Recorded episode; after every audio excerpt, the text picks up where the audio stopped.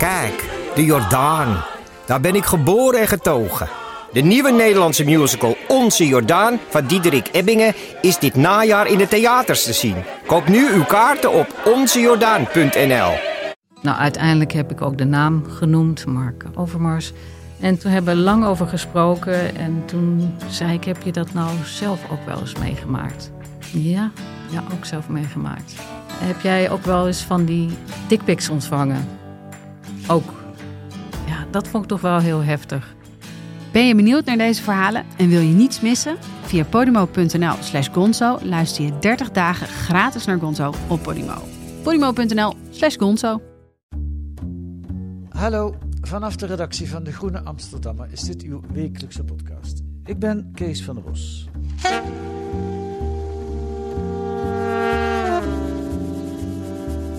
Goedemiddag. Een van mijn uh, verre voorgangers als minister-president, Pieter Kort van der Linden, schreef ooit over de taak van de overheid. De staat dringt de overmoedigen terug, beschermt de zwakken, verdeelt de risico's en stelt zich in het haastige drang aan allen tot gids. Dat is een hoge norm.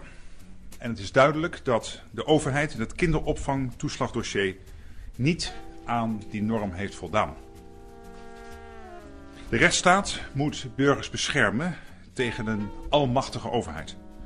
En dat is hier op een verschrikkelijke manier misgegaan. We zijn eensgezind. Als het hele systeem heeft gefaald, kan alleen gezamenlijk verantwoordelijkheid worden gedragen. En dat heeft tot de conclusie geleid dat ik zojuist de koning het ontslag heb aangeboden van het hele kabinet. En ik zal aansluitend aan deze persconferentie naar Paleis gaan de koning verder toelichting te geven. En daarop stapte Rutte op zijn fiets, op weg naar de koning. Het kabinet Rutte 3 heeft net niet de eindstreep gehaald. Het wantrouwen tegen de burger, en dan vooral tegen de arme burger, of in elk geval de burger die steun van de overheid nodig heeft, dat wantrouwen heeft tot een verschrikkelijk ongeluk geleid. Vorige week vertelde Mathieu Zegers in de podcast wat de toeslagenaffaire zegt over Rutte en zijn politieke visie. Vandaag kijken we met iets meer afstand naar de premier. Of nee, we kijken misschien eigenlijk naar onszelf. Wat zegt het over ons dat Rutte zo immens populair is? Joost de Vries schreef een boek over Rutte, de gelukkigste man van Nederland. Dat boek komt over twee weken uit. Maar deze week staat in De Groene een uitgebreide voorpublicatie. Welkom in de podcast, Joost. Hey, fijn er weer eens te mogen zijn. de vorige keer was over Boris Johnson. Ja, dat was een hele tijd geleden. En je moet je voorstellen dat iedereen op de redactie altijd was met elkaar overleggen wie de podcast mag zijn. Iedereen zich permanent over het hoofd gezien voelt als dan iemand anders weer naar voren wordt geschoven. dus ik ben heel blij dat ik nu eindelijk uh, hier weer eens tegenover je mag zitten. Goed zo. Um, Jouw boek. Uh, het gaat niet alleen over Rutte. Het gaat de, de eerste twee de hoofdstukken gaan over uh, ja, Rutte. Rutte het, het bestaat uit drie delen. Het eerste deel gaat helemaal over Rutte. En in het, het andere deel uh, is hij een soort van spiegel. Is hij een ja. soort van icoon dat er doorheen fietst. En, en dat je, als je goed kijkt, volgens mij zijn er zo ongelooflijk veel ontwikkelingen in Nederland de laatste jaren geweest. En natuurlijk omdat Rutte zo lang op die plek zit, komt hij in al die ontwikkelingen wel een keer voor. Ja. Dus ik vond het wel leuk om hem als een rode lijn, uh, als een rode draad, om die essays aan elkaar te naaien. En die gelukkigste man van Nederland, dat is hij. Dat is hij, denk ik. Nou zijn er de afgelopen jaren al twee boeken over Rutte verschenen. Eén van de NRC-journalist Petra de Koning en eentje van Sheila Sitelsing van de Volkskrant. Uh, wat kan jij daar nog aan toevoegen? Nou, aan die boeken kan ik denk ik heel weinig toevoegen. Zowel uh, Stalsing heeft echt een hele uh, scherpe, vinnige, korte biografie geschreven. Peter de Koning heeft uh, dit najaar een hele mooie portret gemaakt eigenlijk. En wat ik er denk ik aan toevoeg, of wat, waar ik een voorzet voor probeer te geven met een boek... is dat zij heel erg de vraag toch stellen. En dat is de vraag die ook toen Rutte in het najaar tien jaar premier was... een vraag die in heel veel profielen en analyses terugkomen van wat wil Rutte nou eigenlijk? En het, het, heel erg vanuit die verwondering dat we al tien jaar, of we gaan nu het elfde jaar in dat hij als premier is. En dat we nog steeds niet weten waar het hem nou om te doen is. Ik bedoel, het is een man die de prat op gaat, geen grote ideologische toekomstdromen te hebben, geen lange termijnvisie. Uh, hoe merkwaardig is dat? En iedereen blijft dat dus hem altijd een beetje als een vraagteken benaderen. En het, Ja. het vreemde effect is dat als je die biografie van eh, Peter de Koning leest, zijn er eigenlijk twee dingen die hij in zijn carrière als premier echt op eigen titel heeft doorgedrukt. En dat is het, het, of nou, eentje is niet gelukt, dat is het afschaffen van de dividendbelasting. En het andere is het verbod op circusdieren. Ehm, wat wat een, een mooi eh, nobel verbod is hoor. Ik heb, ik heb altijd medelijden met, met Bonzo de Leeuw gehad die in de diertuin zit. Maar het is heel vreemd dat dat eigenlijk de enige momenten zijn waarin je echt helemaal zijn eigen overtuiging zag. Ja. Dus de, de vraag die in die boeken aan de orde komen van wat wil Rutte nu eigenlijk, heb ik geprobeerd om te draaien. En geprobeerd een antwoord te vinden op de vraag, wat willen wij van Rutte? Ja. Hoe, hoe komt het dat wij genoegen nemen, nou wat zeg ik, genoegen nemen, dat wij op het schild hijsen een premier waarvan wij niet weten wat hij wil? Ja, en, en weten wij het zelf dan ook niet? Of willen we het niet weten? Dus eigenlijk ben ik, ben ik op zoek gegaan naar, en dat, dat, dat is denk ik iets dat ik in eh, mijn boek meer heb geprobeerd te doen. Of het nou gaat om Rutger Bregman, of Ilja Vijver, of De Luizenmoeder, of Voetbal Inside, of Badr Hari. De vraag, waarom is iets waarom, waar komt populariteit uit voort? En dat is eigenlijk de vraag die ik me bij Rutte probeerde voor te stellen. Ja. Van waarom is hij nu zo moeiteloos, of schijnbaar moeiteloos, de populairste politicus van Ja. Nederland al een decennium? Nou, laten we proberen om dat ook in dit half uur wat we hier hebben, om daar wat, wat dieper op in te gaan, om dat te onderzoeken. Ehm, ik wil met jou langs de carrière van Rutte lopen met hele grote stappen, maar toch niet helemaal eh, toevallig. Ehm, de eerste stap die ik wil maken is, eh, dat vond ik bijna aandoenlijk om te zien, Rutte als voorzitter van de JOVD. Dat was hij van 1988 tot 1991. En ergens rond 1990 zal het geweest zijn, hield hij een televisieinterview. Ehm, en naast hem zat de eh, vertegenwoordiger van de CDA-jongeren. En toen ging het over dit eh, standpunt. De liberale jongerenorganisatie JOVD nam dit weekend een resolutie aan waarin gepleit wordt voor een wettelijke erkenning van commercieel draagmoederschap. Mark Rutte van de JOVD is in ons midden, welkom. Eh, waarom eh, pleiten jullie daarvoor? Eh, wij pleiten ervoor dat in het geval van draagmoederschap de draagmoeder een financiële vergoeding krijgt voor dokterskosten, eventuele medicamenten en eh, gederfde inkomsten, omdat ze een baan heeft. daar krijg je toch ook dat er dan betaling voor wordt gegeven? Dat klopt en dat vatten wij ook samen onder dat begrip eh, commercieel draagmoederschap. Ja, ik zie jou ook lachen. De, de, de- het is ook de jongheid in de stem hè, die nog ontroert. Nou, dat, maar het is ook, denk ik, eh, dat wordt wel meer beschreven hoor, dat, dat hij in zijn jongere jaren nog iets, iets bekakter overkwam. Ik denk dat het ook wel aansluit bij, de part- bij wat voor partij de VVD toen was. Ik bedoel, eh Rutte is als geen ander een historicus van de partij, die weet er alles vanaf. En ik heb veel interviews met hem erover gelezen. Kijk, in, in de jaren 80, dat dit was, jaren 90, was de VVD nog een partij voor hè, de Konijnenlaan in Wassenaar en de Torenlaan, Torenlaan in Blaricum. En eh, dat was echt een partij voor, voor deftige meneren met een Porsche of een, of een Befje. En een sigaar. Ja, dat, en, en grappig genoeg is eh, een van Rutte's doorbraken bij de VVD was eh, op een partijcongres in, in nog voordat hij volgens mij echt actief werd als staatssecretaris, waarin hij, toen werkte hij nog bij Unilever, de VVD een Sleets merk noemde. En er was toen heel veel ophef over. Bolkestein was boos dat hij echt zei van het is te veel een bitterballenpartij. Het is te veel een partij voor sigarenrokers. Er moet er een, bredere volksbeweging zijn. Ik denk dat de VVD dat nu zoveel jaar later ook steeds meer is. Ik bedoel, wat ik, wat ik heel grappig vond, eh, is dat de VVD geen partijcongres heeft, maar partijfestivalen. En dat is echt een soort jolige boel geworden. En, en dus dat, dat deftige is uit de VVD gehaald. En dat, dat kan je dus denk ik aan hem persoonlijk ook zien. Ja. Ik bedoel, het is grappig als je van die foto's van hem terugziet. Het was echt zo'n jongen die op zijn, weet je wel, als twintiger dikke sigaren rookte. Weet je wel, hij speelde echt eh, de bal die hij later wilde worden. En dat is denk ik nu wel uit. ja, ik weet niet of hij nog sigaren rookt. Maar inderdaad, hij, hij lijkt jonger geworden te zijn dan dat hij toen was. Nou, het is wel als je in zijn gedrag in ieder geval, ja. Ja, ja. ja. de stem is nog wat voorzichtiger toen. Ik vind het wel grappig dat je zegt, eh dat was ik echt vergeten, maar dat Rutte de VVD een Sleets merk heeft genoemd.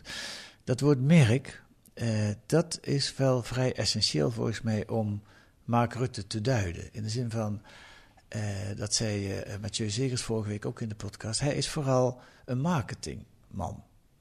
Je, zo zou het kunnen benaderen, maar je zou, het- je zou het ook kunnen bedenken dat... Kijk, het is moeilijk voor te stellen dat een SP'er de SP een merk noemt. Ja. En, of de PvdA. En ik, ik denk toch dat dat van oudsher partijen zijn met een, een, een dominant of een flink aanwezig wetenschappelijk bureau met publicaties, met het idee dat het een, een, een, eh, een club is waar men bij elkaar is vanuit een bepaalde overtuiging, een Ja, bepaalde ideologie. Die staan ook ergens voor. Die willen iets. Die willen iets, die willen iets heel concreets en die willen Ja. iets veranderen. En Ja. Er is een probleem en dat willen ze oplossen. En dat moet je als romanschrijver, moet jou dat, dat ben je ook, moet dat jou aanspreken? Want een hoofdfiguur in een roman moet ook iets willen. Nou, ja, kijk, eh, we komen op een zijspoor, maar dat, dat, dat is een zijspoor dat ik graag inga hoor. Ik, ik, ik ben, eh, nou, al honderd jaar werk ik, ik werk sinds kleuterschool ongeveer voor de Groenen. En eh, ik ben ook romanschrijver en ik heb bij de Groenen heel veel over literatuur geschreven. En er zijn altijd, en dat is denk ik een van de redenen waarom ik die fascinatie voor Rutte heeft. Er zijn grof genomen altijd drie eigenschappen die een goed personage moet hebben. En de eerste eigenschap die een literair personage moet hebben is dat hij eh, een bepaalde. Hij moet opvallen. Zoals Harry Potter, laten we zeggen, dat, eh, dat, dat litteken op zijn voorhoofd heeft. Ehm, zo moet een, eh, heb je het liefst een personage die je herkent. Geen Die- grijze muis. Die iets opmerkelijks heeft. Ja, Ja. Dus dat is één. Het tweede is een personage, wordt vaak gezegd, moet een strevend personage zijn. Dus een personage heeft een baan en hij wil een betere baan. Of hij heeft een vrouw en hij wil een jongere vrouw. Dat, daar, daar komt het meestal in zijn banaliteit op neer. En het derde is dat een. eh, als hij, als hij niet strevend is, dat personage, dan is nog een derde optie dat het een tragisch personage is. Dat het iemand is die vastzit in het leven en lijdt onder de toestand en de algehele melancholie van het bestaan. Nou, alle drie die dingen gaan volgens mij niet op voor Mark Rutte. In de zin, eh, ik zal niet zeggen dat Mark Rutte een man zonder eigenschappen is. Het is alleen dat al zijn eigenschappen ons heel bekend zijn. Gewoon tot waar hij, hoe hij eruit ziet, wat voor kleren hij draagt, waar hij op vakantie gaat, wat voor eten hij houdt. We weten het nu allemaal van hem. En dat is eigenlijk een, een gekke, gekke paradox. Dat waarschijnlijk ken je niemand die zijn leven echt letterlijk zo leidt als Mark Rutte. Maar alle onderdelen van het leven zijn je heel bekend. Dus die optie gaat niet op. Tweede optie, strevend personage. Ja, is ook problematisch. Omdat Mark Rutte, zoals wij hem inmiddels kennen, is het iemand die nou, geen grote idealen heeft. Geen grote wijzigingen in de structuur van de samenleving wil aanbrengen. Eh, iemand die politiek gezien eh, in de drie kabinetten die hij heeft geleid. En nu het vierde kabinet, of dat er komt, weten we nog niet. Maar als je afgaat op het, eh, het politiek pamflet waar het op gebaseerd is van de VVD. Eh, weer een hele draai heeft gemaakt. Dus het is ook een, ideologisch verandert er heel veel. En, en heb je het idee dat die ideeën gewoon niet belangrijk zijn. Dus hij wil niet echt iets. En dan kom je bij dat derde punt van... is hij dan een melancholisch, tragisch personage? Nou ja, ook niet. Want Rutte, eh, daarom heet mijn boek De Gelukkigste Man van Nederland... Ja, zoals hij zelf altijd zegt, ik heb geen talent voor het sombere. Maar hij heeft echt een buitengewoon talent voor het, het vrolijke. En dat komt wat er ook gebeurt. Hij gaat de mond ermee om. Dus, dus daar, zo zat ik er eigenlijk een beetje over na te denken. Van stel, Mark Rutte was een, een personage in een film. Welke film zou dat zijn? Of, of welk boek zou het zijn? En ik kon, ik kon eigenlijk niks voorstellen. En dan kom je wel bij een interessante vraag uit, denk ik. Namelijk, waarom willen we dan al tien jaar dat boek lezen? En naar die film kijken? Ja. Oh, moet, oh, moet ik er nu antwoord op geven? Ja. Oh god, ik, ik hoop dat we dat gewoon de vraag stellen dat dat voldoende was. Nee, kijk, kijk wat, wat, je moet denk ik altijd als je een politicus benadert, moet je hem in zijn tijd plaatsen. En ik denk dat dat, als we naar het, het fenomeen Mark Rutte kijken, dan, moet je denk ik niet naar de man kijken, maar je moet naar alles eromheen kijken. En denk ik meer dan ooit leven we in een wereld die ongelooflijk in beweging is. En natuurlijk in alle tijd, op, in elk decennium is de wereld in beweging. Maar we zitten nu wel echt in de tijd waarin we zeker door sociale media, door technologieën, we hebben zoveel meer momenten op een dag dat het nieuws bij ons binnenkomt. En we En voelen ons de hele tijd omsloten door nieuws, door veranderingen, door paniek. Ja, en Nou, het nieuws zelf is ook dramatisch van aard. We zitten in allerlei crisissen. We zitten in crisis, er is een permanente klimaatcrisis. Ja. Eh, Er zijn op alle mogelijke manieren in de maatschappij... zijn er steeds groter wordende kloven tussen arm en rijk... hoog opgeleid, laag opgeleid. We zitten met het populisme dat de democratie onder de voet lijkt te lopen op sommige momenten. Eh 40% van de beroepsbevolking voelt zich eenzaam op zijn werk. Er is een steeds grotere eenzaamheid in de maatschappij. Er zijn steeds meer mensen depressief. Nou, ik, ik hou nu een beetje op, want ik zie jou eh, verdrietig worden. Rutte en- is eigenlijk de enige gelukkige man van Nederland. En dat is het fascinerende. Het is alsof er een orkaan aan de hand is. En in de oog van een orkaan is het altijd stil. En Rutte is die, dat, dat oog van die orkaan. En volgens mij is dat een soort van ongelooflijke aantrekkingskracht. Dat je niet, kijk, in de politiek is een ideaal een probleem. In de zin van, uh, als je een ideaal hebt, dan erken je dat er ergens een probleem is en dat wil je oplossen. En dus elke keer als je naar Lodewijk Asscher kijkt, nou oké, die mag ik niet als voorbeeld gebruiken, maar naar Lilian Ploemen, dan denk je, oké, dit is iemand die wil iets aan de ongelijkheid doen. Dus je ziet het probleem. En dan zie je uh, Jesse Klaver en dan zie je het probleem van de klimaatcrisis. En dan zie je ook al meteen erin van, oh god, hoe kan hij dat ook ooit oplossen? Dus die personages, of, sorry dat ik als personage aan, maar die politici, sorry, ik verspreek me. Die politici dragen een bepaald gewicht met zich mee. En een bepaald probleem en een bepaalde zwaarte. En dan in het midden van het politieke bestel heeft, heb je een politicus die geen probleem met zich meedraagt. En ik bedoel, laat er geen, geen misverstand ontstaan. Hij creëert die problemen natuurlijk wel op allerlei mogelijke manieren. En, en hij belichaamt die problemen op een hele verdekte manier misschien ook. Maar hij is een soort van uh, de kalmte, de leegte. Dit is een politicus die geen verandering vraagt. Hij vraagt niks van jou, hij daagt je niet uit. Uh, je hoeft er niks van te veranderen. Je kan politici denk ik ook heel vaak aan emoties koppelen. Kijk, Wilders is heel erg de emotie van woede hmm. en wantrouwen en angst. En Thierry Baudet is heel erg de emotie van uh, nou, eigenlijk gewoon witte superioriteit. En het gevoel dat je veel beter bent dan andere mensen. En Rutte is denk ik de emotie, de, de onverslaanbare emotie van lekker met je voeten op de bank, even helemaal niks. Rutte is een ontzettend sterk merk. Het is een heel sterk merk, ja. Het eh, doet me eens denken aan de VPRO 20 jaar geleden. Toen zat de televisie een beetje in een dip. De programma's liepen niet zo goed. En toen was er een, eh, een, een enquête onder VPRO-leden. En die vonden de VPRO een fantastisch merk. Alleen hun eigen programma's voldeden er niet meer aan. Met andere woorden, het merk was zo sterk geworden dat het ja, boven de eigen programma's kwam te staan. Nou ja, in die zin staat, staat ik denk dat dat een ander probleem is waar we, waar we wat tegenaan gaan lopen op een gegeven moment. Dat Rutte natuurlijk ook een sterker merk geworden is dan de VVD. Ja. Ja. Uh, ik bedoel, het is een, man geworden die de partij echt uh, overstijgt in populariteit. Ja, en, en, en hij wordt ook de Teflon-premier genoemd. En dat komt, er zijn natuurlijk wel problemen. Nou ja, de toeslagenaffaire is, is, is niet de minste van die problemen. Maar uh, in dat kader is het ook wel interessant om te weten dat hij, Rutte, in 2007 door de rechter is veroordeeld voor discriminatie. Uh, toen, hij had in 2003 als staatssecretaris van Sociale Zaken had hij de gemeente in een brief geadviseerd, naar aanleiding van een fraudegeval met een Somaliër, om burgers van Somalische afkomst extra te controleren. Kijk, hoe actueel uh, kan je zijn? Hij werd veroordeeld door de Haarlemse rechter voor discriminatie. En weet je wat zijn reactie was? Um, dan moeten we die wet maar veranderen. Ja, dat heeft hij gedaan. Ja, met andere woorden, hij is eigenlijk. Uh, verantwoordelijk voor, voor dit probleem. Voor een deel heeft eerder blijk gegeven van dat hij daar ook niet vies van is. En toch heeft hij twee uh, zetels gewonnen nadat hij uh, afgelopen vrijdag afgetreden is. Maar ja, kijk, dat is natuurlijk een beetje het probleem met die toeslagenaffaire. Dat, uh, en, dat, dat is wel fijn dat, dat een aantal talkshows ons daar aan herinnerd hebben. Dat super strenge vervolgen van fraude, en dat ontstond natuurlijk heel erg in de nasleep van de Bulgare fraude. Dat was echt kamerbreed. En ik bedoel, het is heel ironisch dat Geert Wilders nu als, als hardste roept Mark Rutte, je moet aftreden en, mm. en uh, je, je, kan niet verder als lijsttrekker. Terwijl hij bij uitstek bijvoorbeeld iemand was die zei van we moeten keihard optreden tegen profiteurs. En uh, we moeten ze pakken met alle middelen van de wet. En, en nu zei hij in de Kamer, ja, maar ik wist niet hoe dat dan uitgevoerd moest worden. Waardoor je ook denkt, ja, wat een slechte politicus ben je dan als je wel voor wetten roept, maar niet nadenkt over hoe ze uitgevoerd worden. Uh, en ik, ik denk dat, dat dat een van de gekke dingen is. En we hadden het er net over dat een politicus een bepaald probleem kan vertegenwoordigen.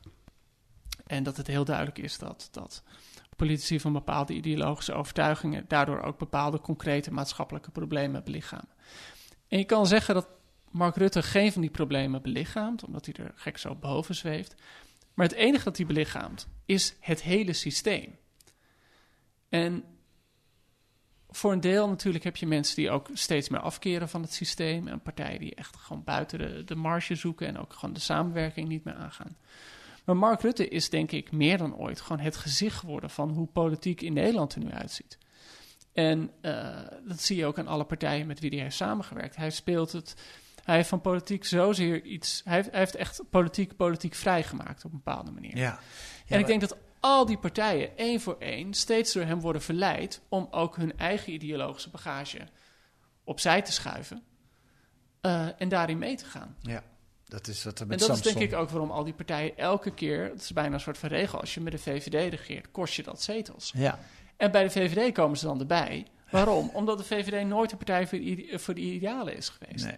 Of tenzij het hele liberale idealen zijn over Ja. minder belasting betalen. En Ja, of eigenlijk leven we al in het ideaal. We leven namelijk in een verschrikkelijk gaaf land. eh, ja, nee, kijk, het is natuurlijk heel optimistisch. Dat, dat is een, een mooie eh, citaat, kwam ik in een van die boeken tegen over de VVD van Gerry van der List. Dat, van de Elsevier, die heeft wel een slim boek over de VVD geschreven.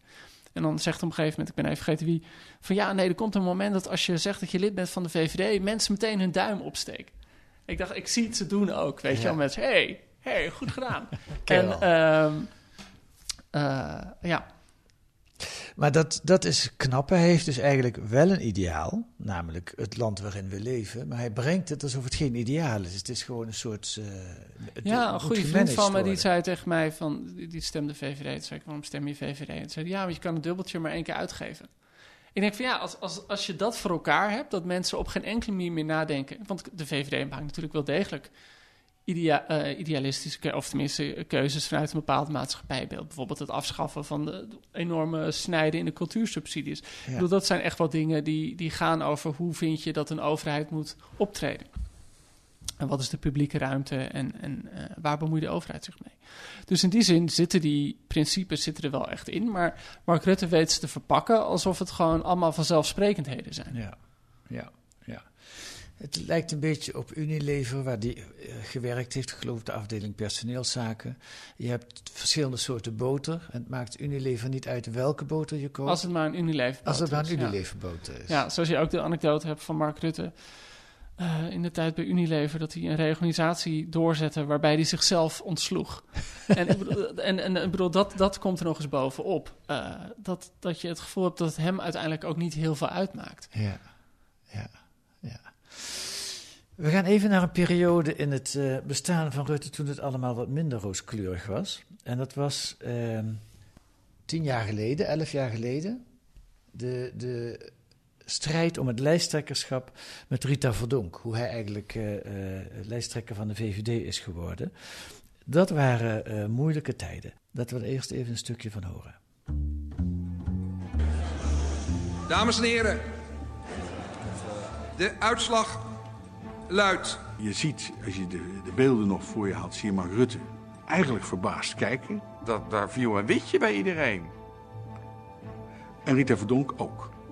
Mark Rutte is gekozen tot lijsttrekker. Hij heeft gewonnen. Hij heeft gewonnen, maar wel met bijna de kleinst mogelijke meerderheid. Jij haalt het ook aan in een stuk. Dit was een moeilijk moment in het eh, bestaan van de politicus Mark Rutte. Waarom?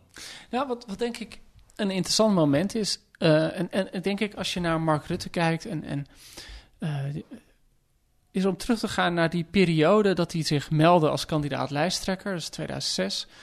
En toen werd hij in 2007, eh, werd hij het ook daadwerkelijk, of toen, toen, kwam hij eindelijk van Rita, werd hij van Rita Verdonk verlost.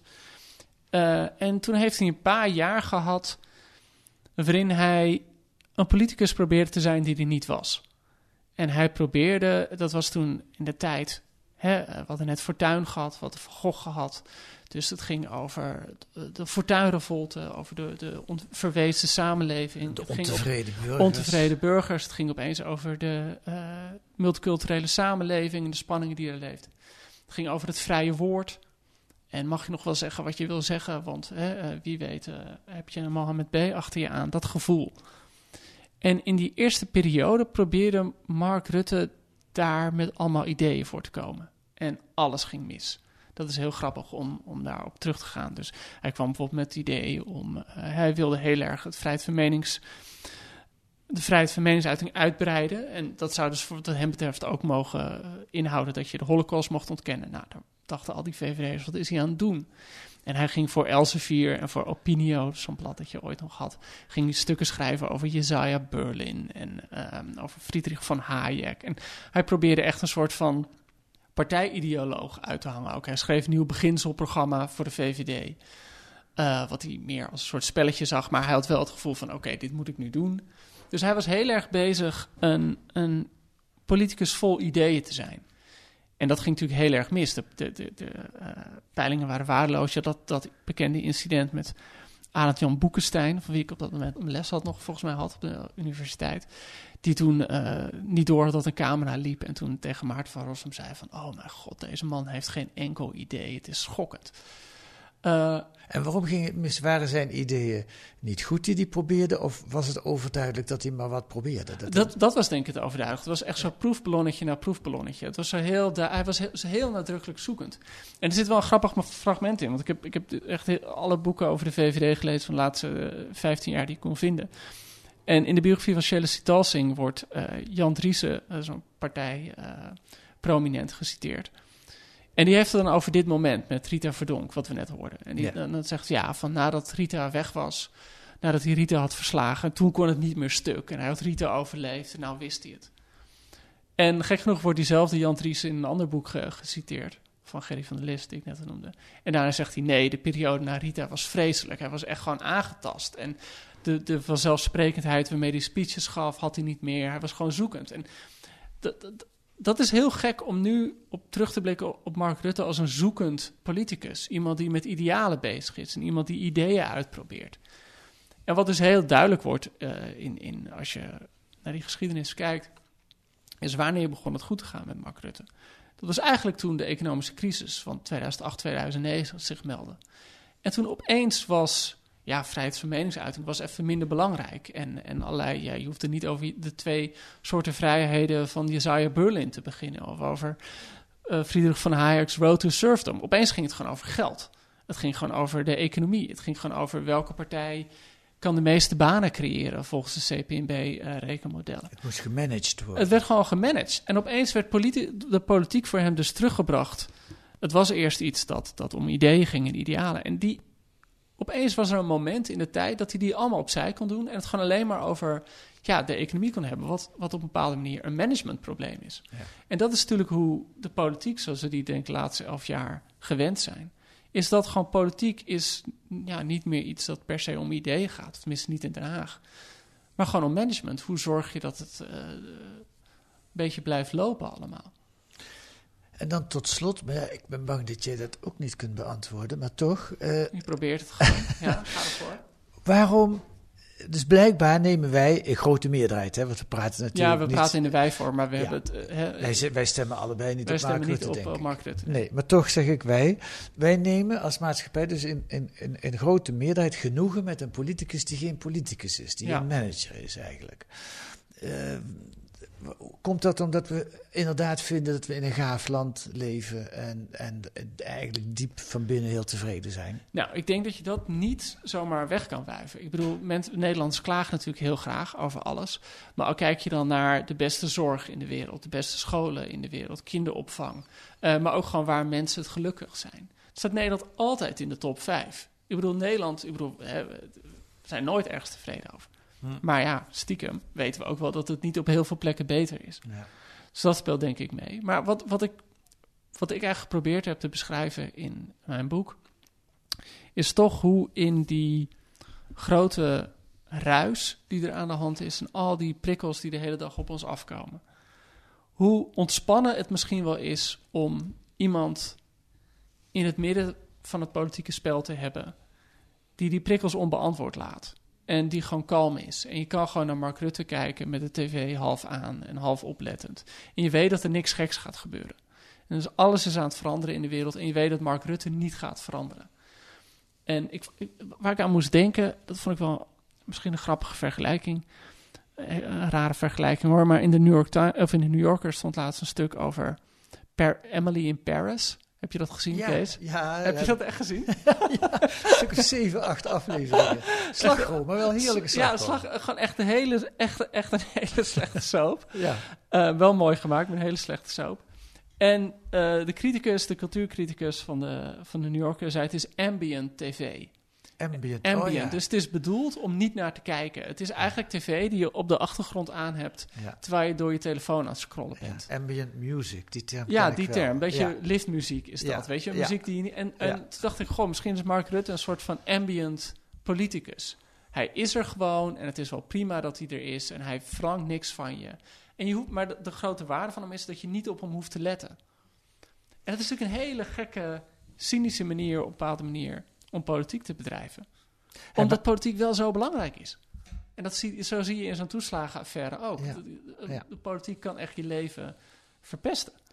Hij maakt het zelf ook graag klein. Hij noemt het zijn baantje. Zijn baan. Ja, dat mocht hij op een gegeven moment na MH17 mocht er het niet meer zeggen. Maar het- dat is altijd eh, zijn strategie. Dingen altijd klein maken. Problemen met een, een tje erachter zetten. Ja. Eh, Ja. Politieke problemen vaak menselijk maken. Dat altijd zeggen, joh, zo heb ik het niet bedoeld. En eh, we komen er wel uit samen.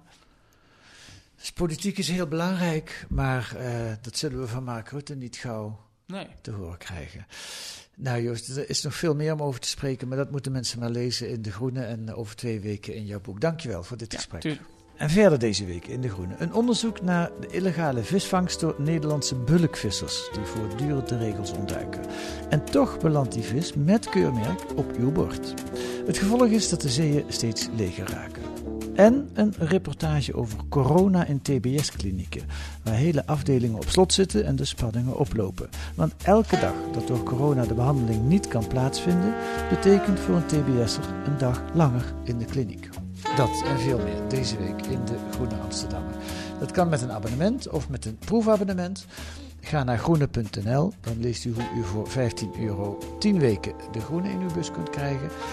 U kunt volgende week ook weer naar onze podcast luisteren. U kunt die podcast ook sterren geven in uw podcast-app. Doe dat, want dan worden wij, stijgen we weer op allerlei lijstjes. Rest mij nog te zeggen dat deze week de podcast werd gemaakt door Giselle Mijnlief en mijzelf Kees van der Bos. En de muziek is A Tune for N van Paul van Kemenade.